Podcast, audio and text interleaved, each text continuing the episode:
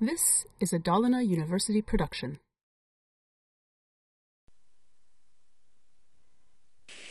Vi ska göra ett litet program för lärare där en lärare kan fylla i vilka betyg ett, fem stycken studenter har. Och Sen ska jag räkna ut medelbetyget på det.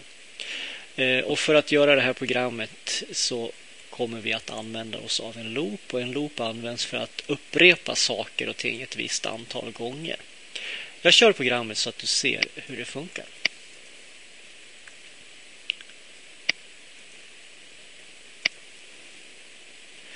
Här kommer första betyget. Jag sätter in en trea. Här kommer andra betyget som fyra. Tredje betyget som en femma. Fjärde betyget som en trea. Och femte betyget som en fyra. Där körde vi programmet fem gånger. Och därefter så vill jag räkna ut ett medel här. Class average 1.0. Här är det ju definitivt någonting som är fel i den här beräkningen. Men det kommer vi att lösa lite längre fram så att det blir rätt. Hur är det här programmet gjort? Det viktiga i det här exemplet är att visa hur man kan använda en loop för att upprepa eh, saker och ting i programmet. Och upprepningen var här egentligen att slänga upp den här dialogrutan fem gånger så att jag kan skriva in betygen. Hur ser koden ut? Ja, på rad nummer 14 till och med 18 deklarerar ett antal variabler som ska innehålla data som är viktigt för det här programmet. Och eh, första variabeln total innehåller summan av alla betyg. Grade counter är hur många betyg jag har eh, eh, matat in. Eh, grade value är egentligen då om jag matar in eh, en trea, fyra eller femma. Average är medlet på det här och grade eh, det är det värde som jag matar in via dialogrutan som textsträng. Jag initierar de här variablerna total och Grey counter till värden. Så rad nummer 21 så eh, initierar jag total till värdet 1 och jag initierar Grey counter till värdet 1. Det jag egentligen gör är att jag har satt eh, total till 0 så att jag kan börja summera de här eh, betygen. På rad nummer 25 här så börjar jag deklarera en, en loop, en while loop. Och while loopen består av två delar. Dels while loopens eh, eh, huvud i vilket jag talar om eh, ett villkor att så länge som den här grey counter är mindre än eller lika med 5 kör alla de här kodraderna i loopens kropp. Alltså så länge som det här är sant, det som står i villkoret här, kör de här kodraterna i loopens kropp. Och loopens kropp den Eh, är mellan den måsvingen och den här måsvingen.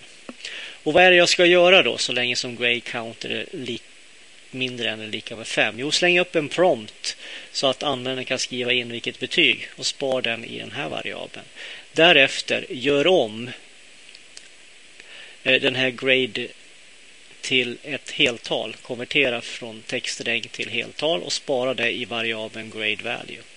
Därefter så ska vi lägga på den här totala summan. Så jag tar det föregående värdet som finns i totalt och plussar på det med det inmatade värdet och tilldelar sen totalt det nya värdet. Så innehöll totalt 10 förut, så matar jag in betyget 5 så blir det 10 plus 5 och tilldelar den uträkningen total så då blir det 15.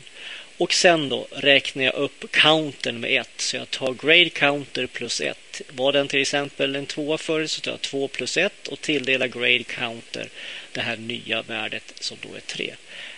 Jag måste ha den här räknaren på slutet för att det här villkoret uppe i while-loopens huvud någon gång ska bli falskt så att vi kan hoppa ur loopen och hoppa ner hit. Så då har jag den här räknaren som håller reda på hur många gånger jag har kört Eh, de här inmatningarna. Jag ska göra det fem gånger.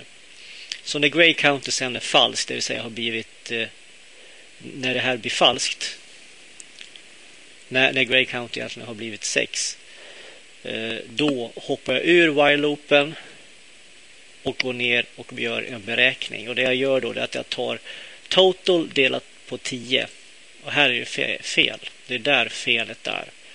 Det är bara fem inmatningar vi har gjort, så där ska det stå fem.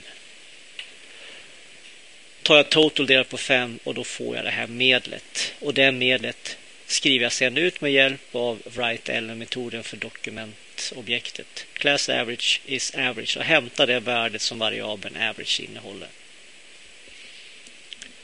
Vad är det vi har lärt oss här? Jo, att vi har gjort en loop, en while-loop. Och while-loopen består av två delar. Loopens huvud och loopens kropp. Och så länge som villkoret här innanför parentesen är sant så körs alla kodraderna i loopens kropp.